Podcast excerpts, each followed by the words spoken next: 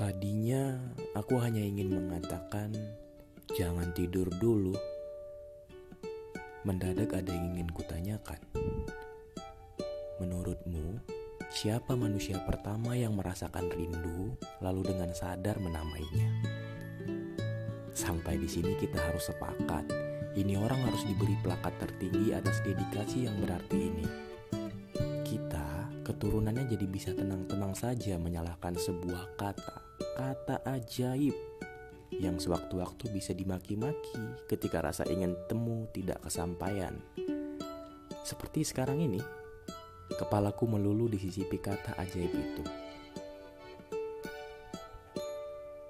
Mau bagaimanapun, buyut kita, si penemu konsepsi rindu ini harus diberi penghormatan tertinggi dan mencipta paling meriah.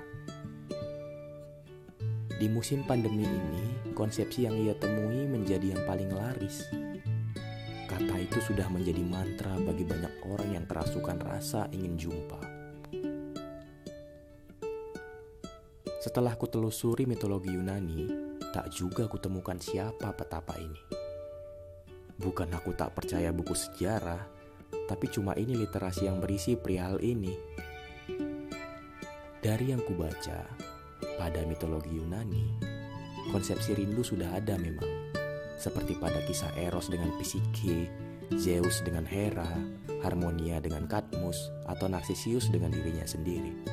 Tapi tidak kutemukan siapa yang dengan gagah mengatakan keinginan yang kuat untuk bertemu itu namanya rindu. Tidak ada kutemukan. Kau ada saran? Sebab aku benar-benar ingin tahu siapa manusia pertama pengguna kata rindu. Tiba-tiba aku ingin menyusuri nasab keluarganya. Barangkali dari silsilah itu bisa mengubah nasib kita.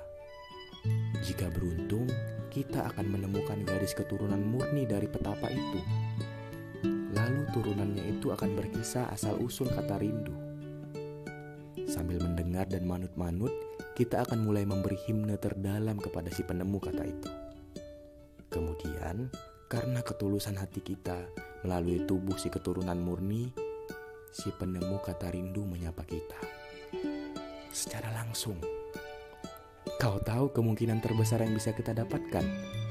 Kata yang lebih ajaib dari rindu, sebuah kata yang barangkali jika kita amalkan, rasa ingin jumpa bisa tuntas detik itu juga kita bisa hidup bahagia di tengah rasa ingin temu.